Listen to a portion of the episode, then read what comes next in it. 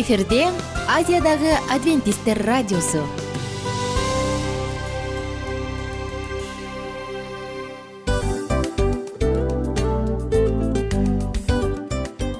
Достор салют. Баардык сүйүктүү угармандарыбызга салам айтабыз. Кутман күнүңүздөр менен. Ден соолук өмүрдүн булагы демекчи саламат саамы программасында баарыңыздарды көргөнүбүзгө абдан кубанычтабыз. Анда алгач амандашып өтөлү арбаңыздар деп. Ден соолугуңуздар кандай элибизде көбүнчө ден соолук кандай дегенде эле жакшы деп жооп беребиз э ооруп турсак дагы жакшы дейбиз. Анан мен муну айтып ойлойт элем бул абдан сонун сөз депчи анткени бул жакшы деген үмүт да э ооба баары жакшы болот. Баары сонун. Деп үмүттөнүп атып эле өзүбүздү өзүбүз дарылап коебуз. Анысы кандай? Сиздин дагы ден соолугуңуз жакшы беш деген үмүттөбүз чындыгында ден соолук бул өмүрдүн булагы деп бекеринен айтылган эмес деп ойлойм. Кыргыз элинде анткени эгерде ден соолук жок болсо анда адамдын жашоосунда калган баардык керектүү маңыздуу нерселер өзүнүн баалуулугун жоготуп коет. Ошондуктан ден соолук бул эң керектүү нерсе. Ооба туура айтасың кесиптешим. Чынында ден соолугуң жок бир эки үч күн ооруп калсаң эле э кандай болуп калат? Жашоодо көз каранды болуп каласың көп нерсеге жетишпей каласың көп нерсени кыла албай каласың жада калса эшикке дүкөнгө да чыга албай каласың. Туптуура анан ден соолук болсо демек биз биздин бактыбыз тоодой деп койсок болот. Анда достор саламат саамы рубрикабызды баштайлы. Алдыда өзүңүзгө керектүү болгон сонун кеңештерди уга аласыздар. Мына ошондуктан биз менен бирге болуңуздар. Ал эми биз болсо милан жана айнура. Кеттик алга. Алга саламат саама ден соолуктун жарчысы. Саламат саама ден соолуктун ачкычы. Күн сайын сиз үчүн мыкты кеңештер сонун жаңылыктар кызыктуу фактылар. Биздин рубрикада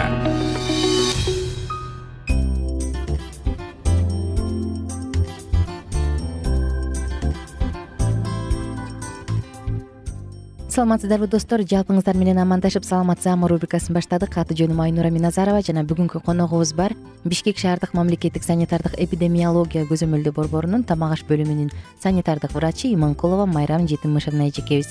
Биз мурунку уктуруубузда тамак ашты кандай кылып туура сакташ керек муздаткычта деп сөз кылганбыз. Э, жана деги эле тамак э, идиш аякты жууда тамак ашты даярдоонун алдында жер жемиштерди жумурткабы кайсы гана эт болобу кайсы гана азык болбосун аны жуу жана аларды туура тандап алуу жөнүндө сөз кылганбыз. Эми бүгүнкү уктурууда мен убада кылгандай эле майонез жөнүндө кененирээк э, элдерге маалымат берип кетсеңиз деп сурангам. Майрам жетимишевнага суроом Э, майонез кошулган салаттар канча убакыт сакталышы керек негизи? Мында бул суроого жооп бергенден мурда мындай баштайлык да.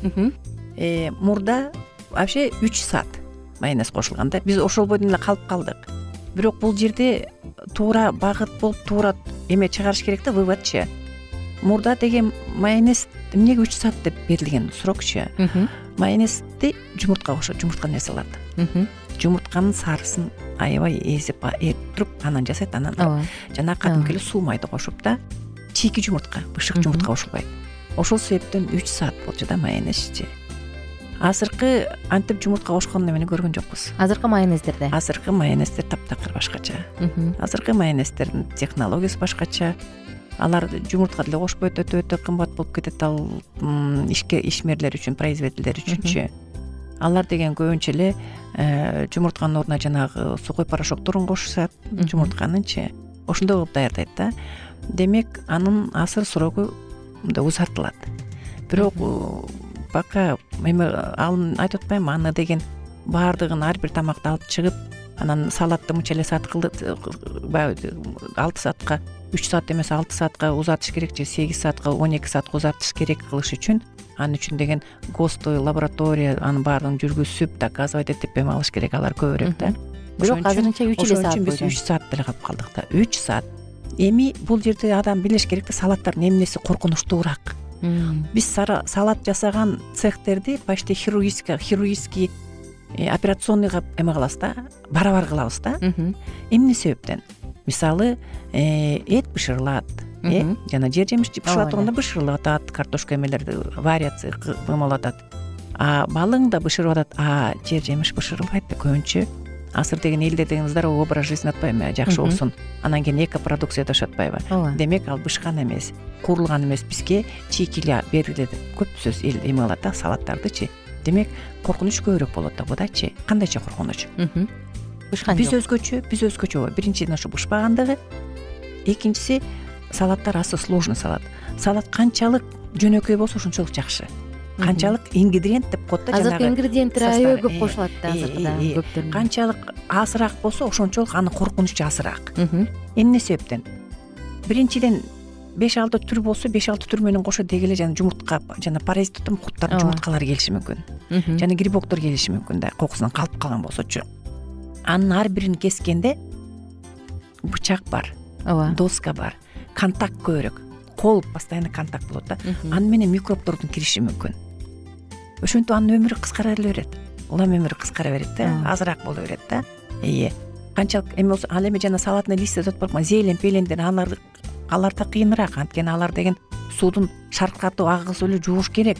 Шаркыраган сууга жууш керек. Өзгөчө жана салат жалбырактарын ооба э, салат жалбырагы анан жана петрушка укроптордучу алар деген азыр ар бир ишканага барсаң баарында жанагы сууду ченегиштери турат. Канча суу кетип калды депчи ие счетчиктер ошон үчүн алар деген экономить мүмкүн. Аябай. Алар ооба биз барып эле тилибиз тешилгенче какшап сайрап эле жаман көрүнүп бүттүк уже. Санбараштарчы биздин эми иш жумушубуз ошол экен.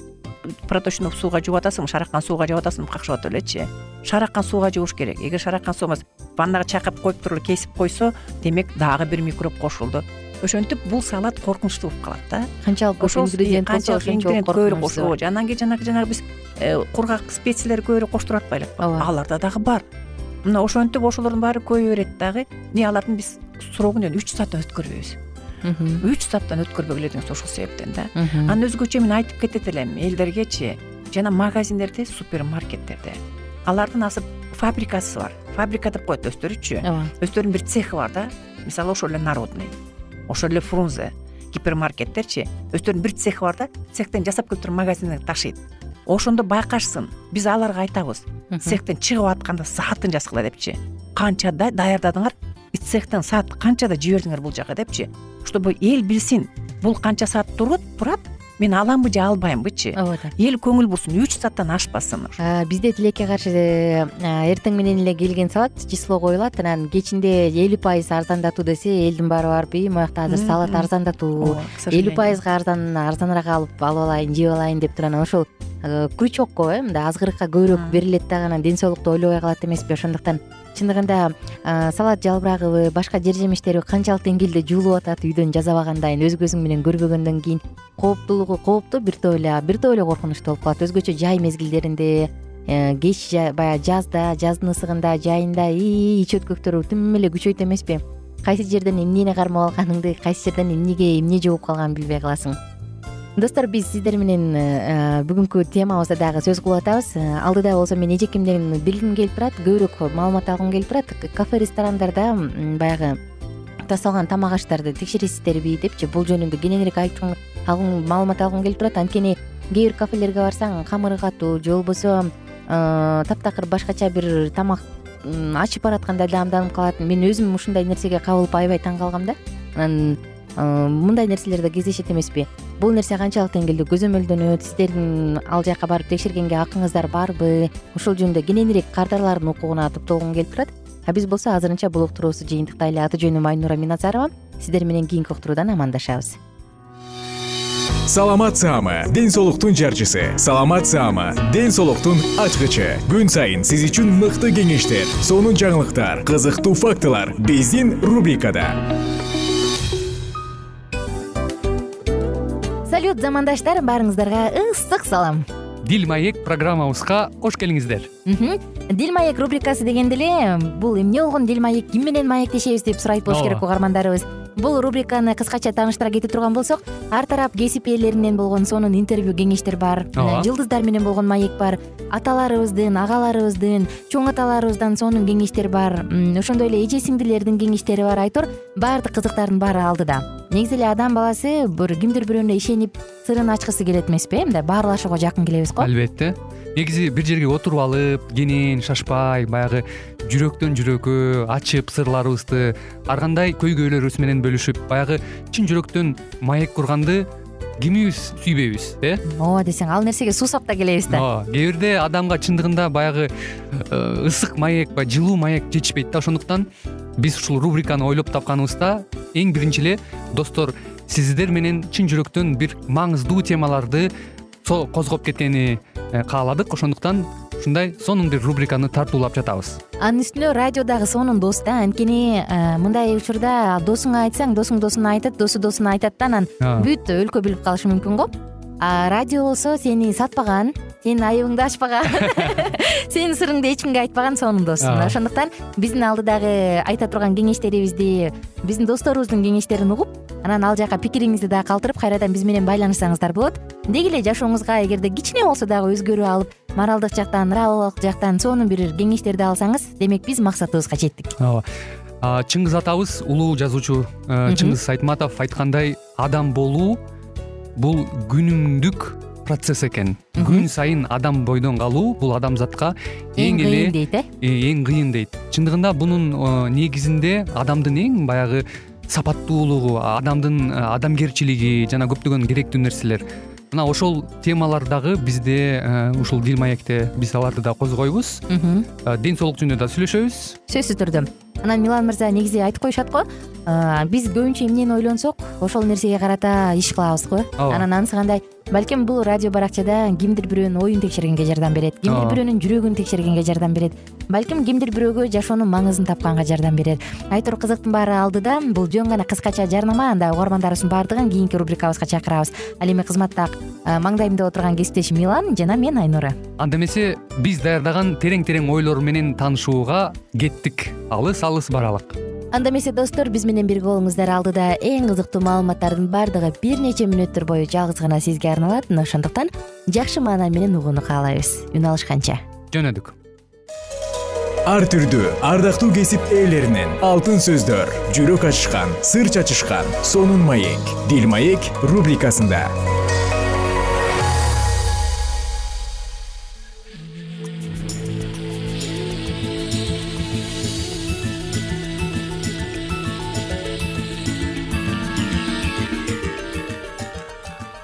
ассалому алейкум ардактуу радио угуучуларыбыз кайрадан эле сиздердин назарыңыздарда бактылуу никенин баалуу эрежелери аттуу берүүбүздө кездешип жатканыбызга өтө кубанычтабыз. Микрофондо адаттагыдай эле кызматыңыздарда аты жөнүм мен улан кубанычбеков. Жана ошондой эле менин кесиптешим. Саламатсыңарбы жана мен асель мамбетова урматтуу угармандарыбыз бүгүнкү уктуруубузда биз сиздер менен ата энебиз менен деги эле үй бүлөлүк жашоодо биз канткенде тил табыша алабыз? Ушул туурасында бир нече кеңештерибиз менен бөлүшүп өтмөкчүбүз. Андыктан бүгүнкү уктурууда биздин одон алыстабай биз менен бирге болуңуз. Ата энең менен урушпай талашпай жакшы мамиледе болсоң жашоодон көбүрөөк кубаныч аласың албетте чындап эле ата энелерибиз менен сый урмат мамиледе боло турган болсок анда өз учурунда атак даңктуу сулайман аттуу падыша дагы бизге окшогон бүгүнкү учурда дагы жаштарга эң сонун бир э, таамай айтылган кебин айтып өткөн экен. Эгерде бул жашоодо өмүрүң узак болушун кааласаң анда ата энеңди сыйла деген экен. Мындай жагдайды элестетип көрсөң. Шаршемби түш ооп калган маал. Он жети жаштагы арсен жаңы эле үйдөгү жумуштарын бүтүрүп коюп эмне салсам болот деген ойдо жакшы көргөн жумшак диванына чалкалай келет да телевизорду коет. Ошол маалда атасы кирип келип кабак башы бүркөлө түшөт атасы арсен иниңе сабак жазганга жардам бербей эмне отурасың? Өчүр алдыгыны айтмайынча кылбайсың деп ачууланат. Арсен ии дагы башталдыбы? деп күбөлөнөт аны угуп калган атасы эңкейе эмне дейсиң? дейт арсен эчтеке деп бурк этет. Атасы мага алдагынтип сүйлөбө деп жаны кашаят эгер сен арсендин ордунда болсоң эмне кылат элең? Шашпай ойлонуп көрөлү. Ата энең менен пикирлешүүнү машине айдаганга салыштырса болот. Жолду үйүлгөн таштар тосуп калганын көрсөң. Башка жолго салаарың турган иш андан тышкары бир мисал. Атам менен сүйлөшүү мен үчүн кыйын дейт лилия кээде атама бир нерсе айтып жатканда ал кайра айтчы эмне дейсиң? деп сурайт. Лия үчөөнүн бирин тандай алат. Биринчиси атасына ороңдойт. Ал жанатан бери кимге сүйлөп атам? Укпайсызбы? дейт. Экинчиси таарынып сүйлөбөй коет. Лия кыйынчылыгы жөнүндө экинчи айтпай эле коеюнчу деп чечет. Үчүнчүсү ылайыктуу учурду тандап кайрадан сүйлөшөт лия атасы менен кийинчерээк сүйлөшөт же кыйынчылыгын кат жүзүндө билдирет. Лиянын кандай кылганы туура болмок деп ойлойсуңар. Ойлонуп көрөлү лиянын атасы алаксып кеткендиктен кызынын көңүлү чөгүп турганын байкабай калган. Эгер лия биринчисин тандаса атасы анын эмне үчүн жини келип жатканын түшүнбөй калмак жана аны уккусу келмек эмес анын үстүнө лиянын ошенткени атасын сыйлабастыкка жатып калмак. Демек бул эч кимге пайда алып келбейт болчу. Үйүлгөн чоң таштарды көрүп башка жолго салган сыңары ата энең менен тил табышуунун жолдорун таба аласың. Экинчисин тандоо экинчисин тандоо оңой. Бирок бул акылмандыкка жатпай калмак. Анткени кыйынчылыгын чечүү үчүн лия атасы менен сөзсүз сүйлөшүшү зарыл атасы ага жакшы жардам бере алыш үчүн. Анын жашоосунда эмне болуп жатканын билиши керек. Сүйлөшпөй коюу менен эч нерсе чечилбейт. Ал эми үчүнчүсүн тандаса. Лия атасы экөөнүн ортосундагы үйүлгөн чоң таштарды айланып өткөн болот. Ал башка убакта сүйлөшүүгө аракет кылат же ага кат жазат. Эгер кат жазса кадимкидей жеңилдей түшөт. Кат аркылуу лия оюн туура түшүндүрө алат ал эми атасы каттын анын эмнени айткысы келээрин жакшы түшүнөт. Демек үчүнчүсү лияга да атасына да жакшы пикир алышууга жол ачат. Бетме бет болобу же кат аркылуубу үчүнчүсүнө ылайык иш кылуу бул тынчтыкка умтулалы деген кеңешке шайкеш келет. Лия бул жагдайда дагы эмне кылса болмок? Кандай сунуш айтаарыңарды жана анын жыйынтыгы кандай болгондугун ойлонуп көрөлү ошондой эле урматтуу биздин сүйүктүү досторубуз жана ошондой эле ардактуу ата энелер деги эле ата энелер менен биз кантип тил табыша алабыз? Ушул туурасында дагы бир нече кеңештерге назарыңыздарды оодарып өтөйүн.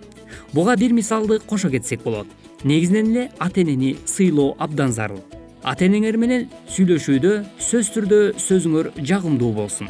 Ар бир адамды укканга даяр болуп ал эмне сүйлөсө дагы ачууланга шашылбасын ошондуктан ушул нерселерди үй бүлөлүк жашоодо жана ата эне менен болгон карым катнашта эске алуу абдан зарыл болуп саналат экен.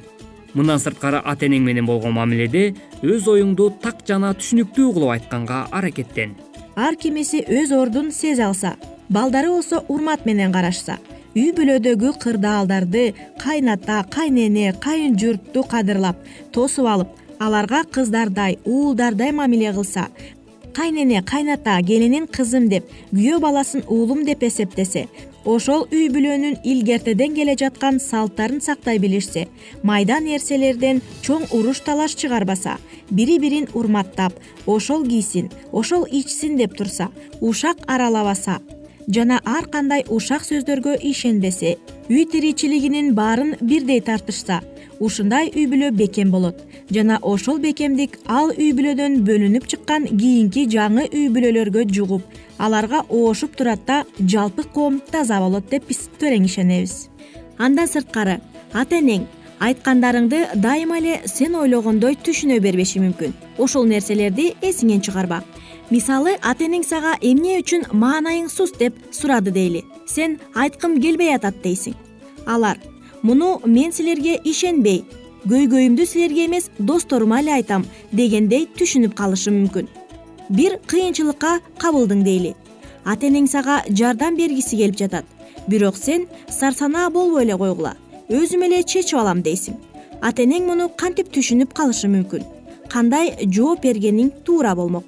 Бул жаатта дагы ойлонуп көр албетте ардактуу угармандарыбыз сөзсүз түрдө биз ушул үй бүлөлүк жашоодо ата эне менен болгон карым катнашта кантип мамилебизди туура нукка бура алабыз бул туурасында ар бирибиз ойлонуп жана ар бир нерсени акыл калчап талдап ошол эле учурда кеңешип кескен бармак оорубайт демекчи. Дал ушундай маселеде ар бир нерсенин чырга айланып кетпесине жол бербөө үчүн ушул нерселерди жашообузда колдоно турган болсок анда бүгүнкү айтылган баардык кеңештер сиздин жашооңузга өзүнүн жакшы бир мыкты жемишин берет деген тилек менен бизге бөлүнгөн убакыт дагы өз соңуна келип жетти. Бүгүнкү уктурууга назар салганыңыздар үчүн ыраазычылык билгизебиз. Кайрадан эле биз сиздер менен бактылуу никенин баалуу эрежелери аттуу берүүбүздө кезишкенче сак саламатта болуңуз ар түрдүү ардактуу кесип ээлеринен. Алтын сөздөр жүрөк ачышкан сыр чачышкан сонун маек. Дил маек рубрикасында.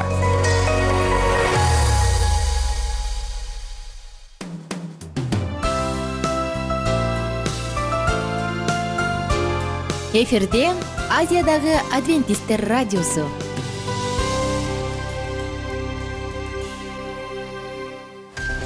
жан дүйнөңдү байыткан жүрөгүңдү азыктанткан жашооңо маңыз тартуулаган жан азык рубрикасы.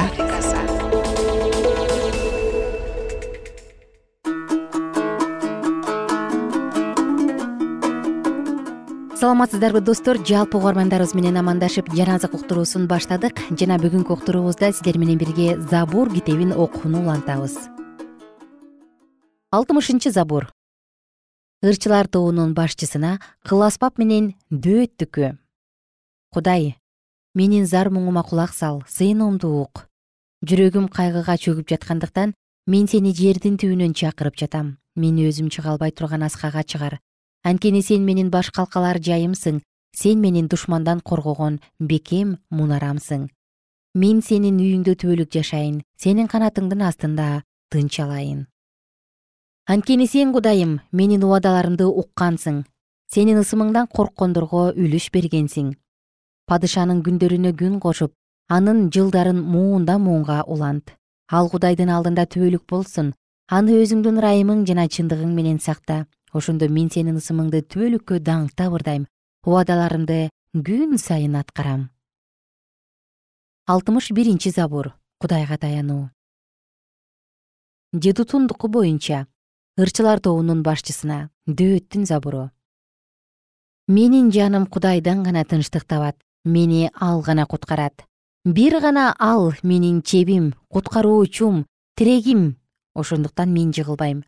Качанкыга чейин жалгыз адамды куугунтуктай бересиңер? Баарыңар урайын деп калган дубалга кыйшайып калган тосмого окшоп жерге кулайсыңар.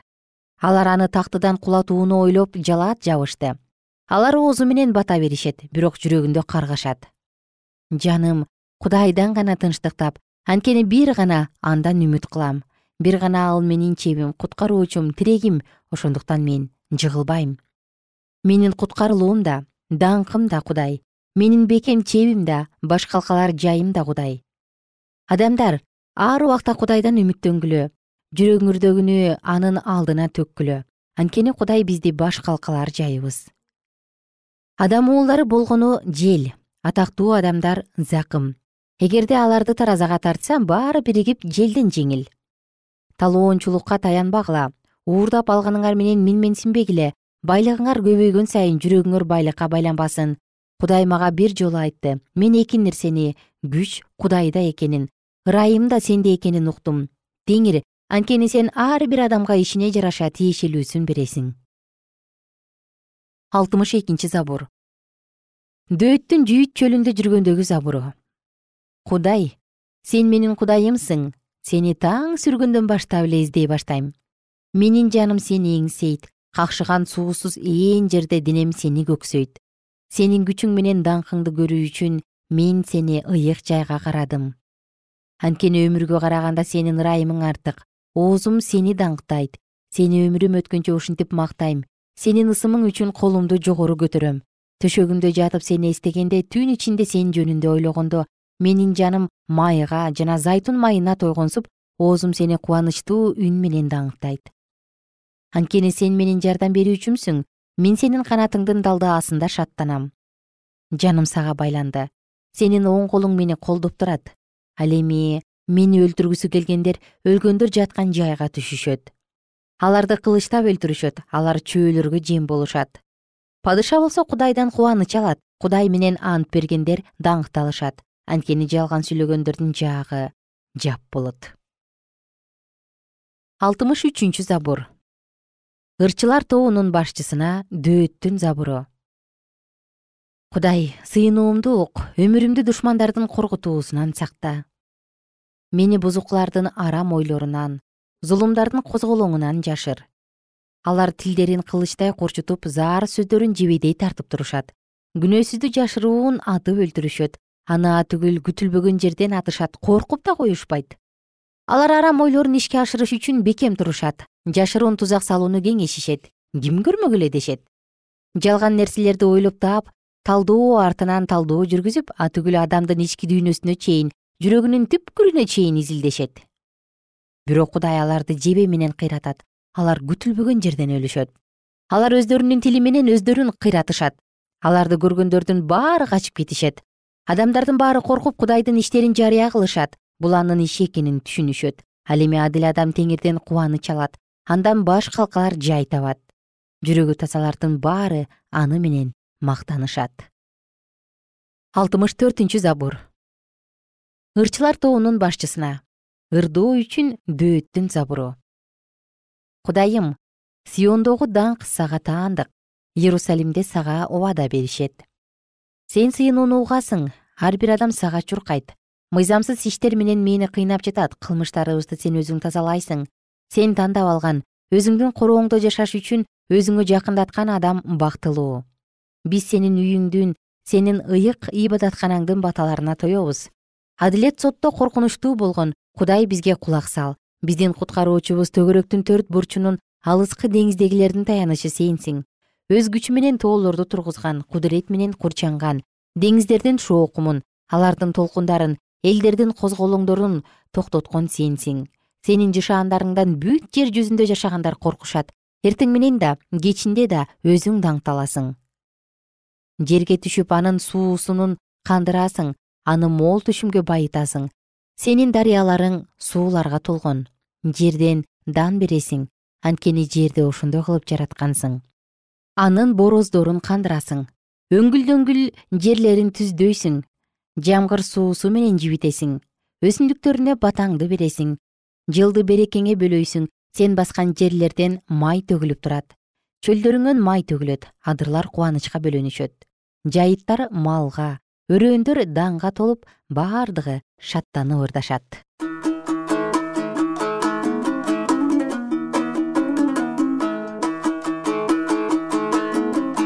Кымбаттуу досум бүгүнкү уктурууда сиздер менен забур китебинен эки үч бап окуп өттүк. Бул забурдагы сөздөр сиздин жашооңузда дагы жаратканга таянганга ага ишенгенге андан үмүттөнгөнгө жардам берсе экен деген тилек. Жалпыңыздар менен кийинки уктуруубузда үн алышабыз ошондуктан биз менен бирге болуңуздар жана алдыдагы күндөр алдыдагы учурлар алдыдагы сааттар сиз үчүн эң бактылуу мүнөттөр болсун. Бар болуңуздар аман болуңуздар.